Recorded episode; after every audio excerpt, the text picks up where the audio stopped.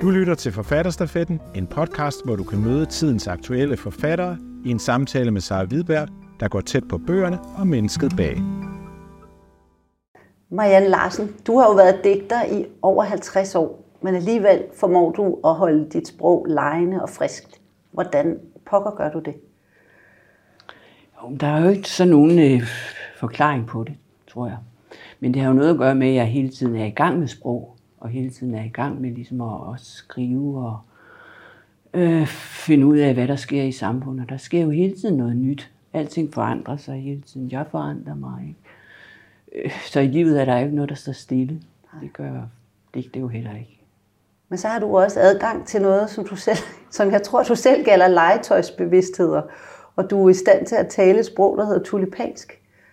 Er, er det noget, vi andre burde kunne noget mere? Ja, samtidig kunne jeg godt tænke mig, at andre også kunne det. Men det, det er jo ligesom for at også få noget nyt ind, ikke? Altså få nogle overraskelser ind i, øh, ja, i digtene og litteraturen og hvad man kan gøre. Og det er jo sproget, der giver de muligheder, ikke? Og det danske sprog, der kan man lave mange ord om. Man kan lave mange lange ord, og man kan lave øh, verber om til adverbier. Og det, det er et meget fleksibelt sprog, synes jeg, dansk. På den måde til at lege med og finde ud af nye sproglige udtryk ved hjælp af. Det er ikke alle sprog, der kan det, Nej, det, er tror jeg. det, det tror jeg heller ikke, det er. Skal vi ikke prøve at høre et digt, hvor du faktisk gør det? Det er et, der hedder Let til frisk optur. Let til frisk optur. De friskeste uforklarlighedstimer i folkeskolen gik med at lære om gågader, hvor mennesker med gribende opmærksomhed ser alle og enhver på deres vej. De er lystseere. Der er en pragt i gågademenneskenes blikke, som om de drømmer beruselse ud af hinandens skikkelser. I de friskeste uforklarlighedstimer i folkeskolen lærte vi, at nye anemoners stilke er og er og er langsommere end deres egen duft og vores puls. Resten måtte vi selv om. Tak. Der var jo allerede der gågademenneskene og lystseerne og ja, uforklarlighedstimer. er det tulipansk?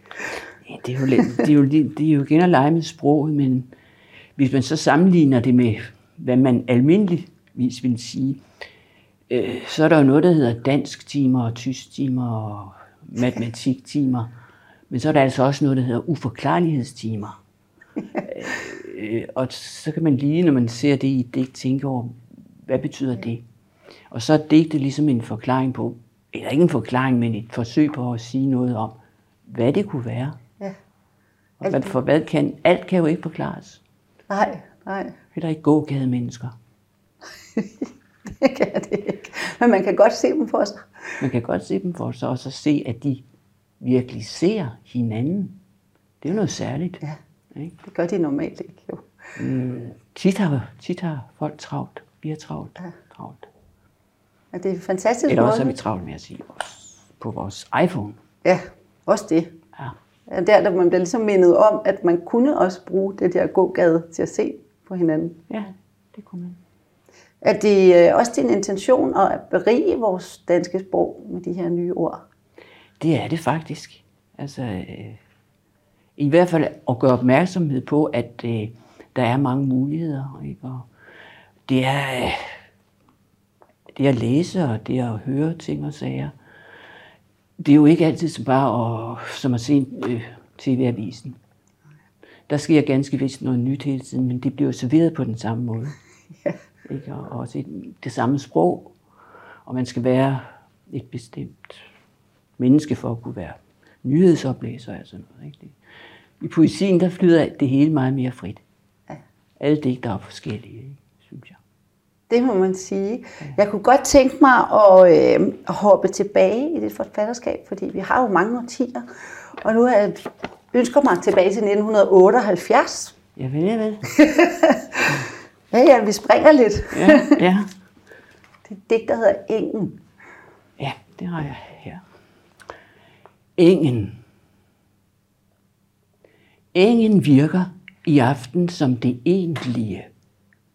Og det vi snakker om i aften handler på grund af den om stængler og rislen og frøer og insekter og æg og solsorte og mangel på frygt for arbejdskontrakter, lejekontrakter og andre kontrakter. I aften, lidt borte fra os, går børn rundt med deres voksne ved hånden. Det er en eng. Der står ganske vist en stor by på den. Det er så fint. Skrev du det her digt som en kommentar til vores øh, moderne samfund? Øh, ja, det er det jo blevet til i hvert fald. Men tit er det jo sådan med poesi, og når man skriver digte, at det er noget, der starter et sted i sproget, synes jeg. En oplevelse af noget smukt og noget, en eng.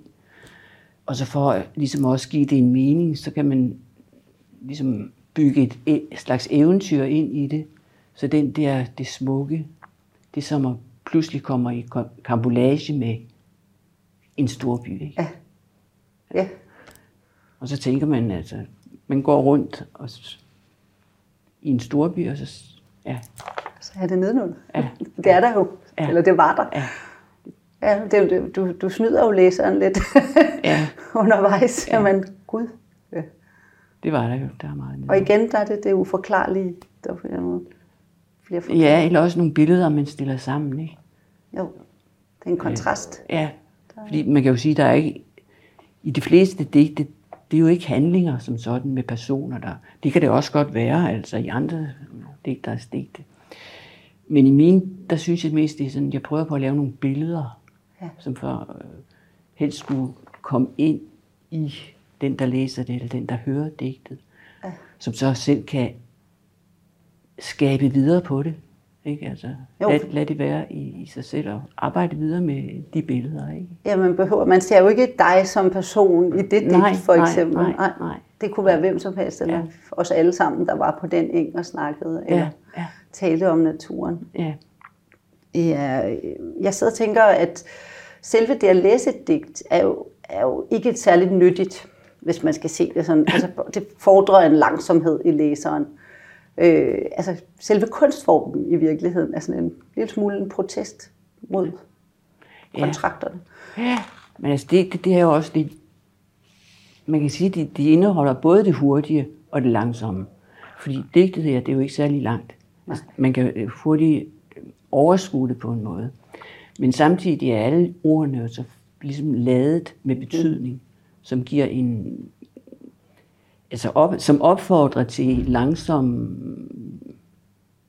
lad os dvælen ved det ikke, på en eller anden måde, og lade det arbejde i sig også bagefter. Man har oplevet digtet, ikke? Så det er på en gang både hurtigt og, og langsomt. Ja. En roman, der ved man, hvor lang tid man er om at læse den som sådan, ikke? Eller, altså det kommer an på, hvor tyk den er. Men altså en digtsamling ved man aldrig, hvor lang tid man er om at læse. Nej. Fordi man også vender tilbage til nogle af digtene, ikke? og man læser spredt i bogen. Og, altså det er, en- det er en anden form for bog end, end prosa og romaner. Ikke? Man kan gå til og fra den Det kan på man en anden måde. Man kan læse pligten, øh, digtene flere gange, ligesom man kan høre musik fl- flere gange. Ikke? Jo. Altså, Men der er et eller andet sted, når man læser lyrik, så forventer man ikke at få viden på samme måde, som når man læser er alt muligt andet. Nej, så på den måde bliver det sådan lidt en eksklusiv, ja, man bliver ikke sådan intellektuelt fodret eller noget. Det gør man ikke. ikke, ikke nyttemæssigt måske. Ikke nyttemæssigt, vel?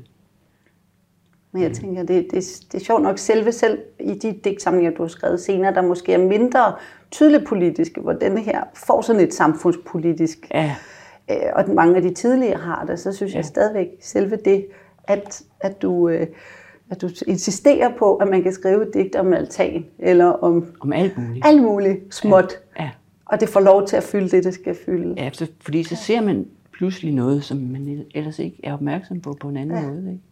Det dukker ligesom op og bliver betydningsfuldt. Det er jo betydningsfuldt. Alt er betydningsfuldt ikke? på en eller anden måde. Ikke? Jo. Men det bliver lidt sådan en, en modsætning til, til alt muligt andet ude i samfundet. Ikke? Synes du, din, din samfundskritik har ændret sig over tid?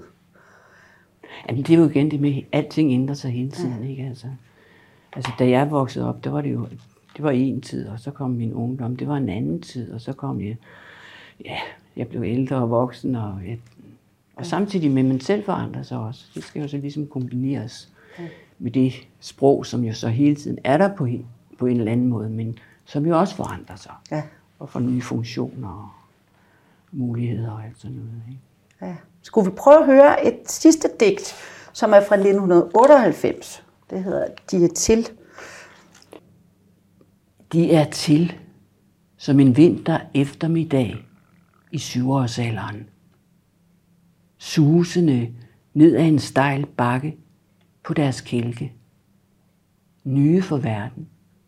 Den sne, dens fart, dens lavt hængende sol for enden af suset. Her får du på ganske få linjer faktisk en, et helt landskab og en stemning frem, i hvert fald hos mig. Øhm, hvorfor lige, hvad, hvad fik dig til at få lyst til at fixere sådan en situation? Jamen, tit begynder det med en stemning, og det er det jo sådan en vinterstemning. Ja. Øh, og så er det jo kombineret med øh, tid også, nemlig et øh, tilbageskuende blik. Og så, altså de, de børn, det handler om. Og så kommer jeg, jeg selv ind i det også, som, med min hukommelse fra dengang jeg var barn. Men samtidig digtet som sådan, det er også noget med tid at gøre, ikke?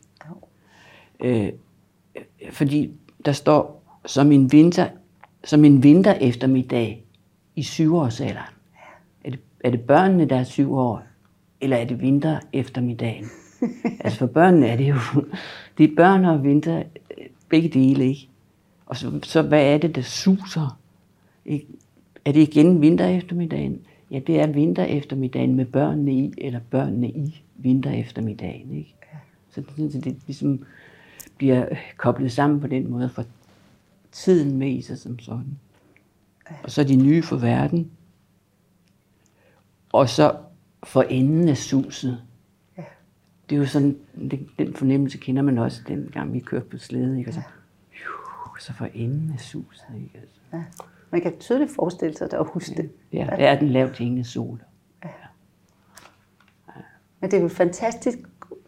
Jeg glemt af noget. Man godt, man godt huske de der eftermiddag, ja, ja. når du, når Fordi, du beskriver dem. Ja, ja.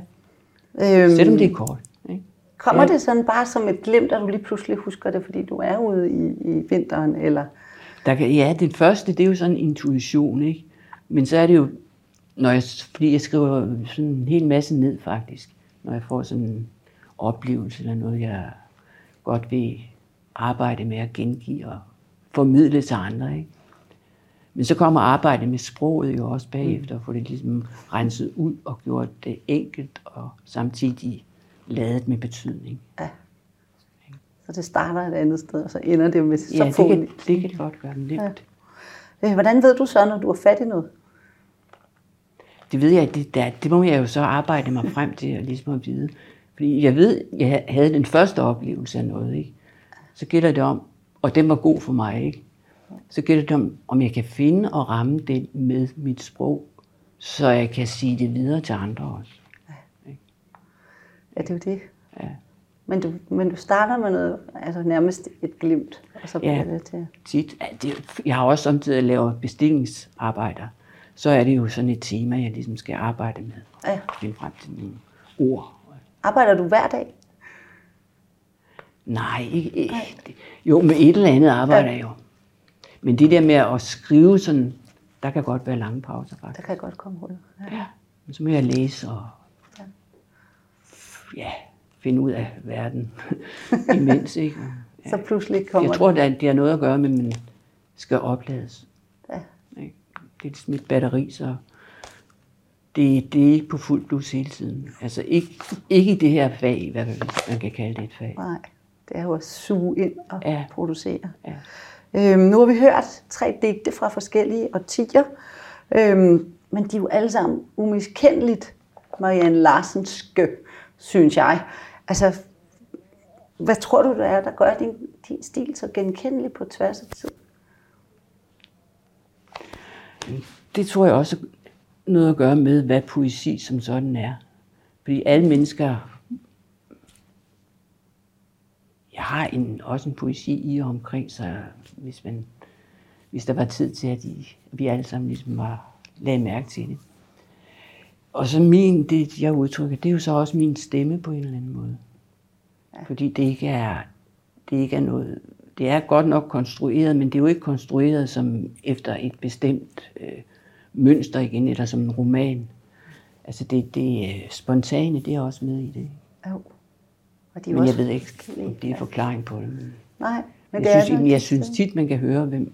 Altså hvis, som jeg læser mange digte, så kan man altid høre eller mærke digterens stemme i det. Ja, der kommer sådan en tydelighed Ja. alligevel. Ja. På tværs af alle mulige emner, og Ja, det er ret, ja. øh, ret fantastisk. Men tusind tak skal du have, Marianne. selv tak. Du har lyttet til Forfatterstafetten, en podcast produceret af Forfatterweb. Find flere samtaler der, hvor du henter dine podcast.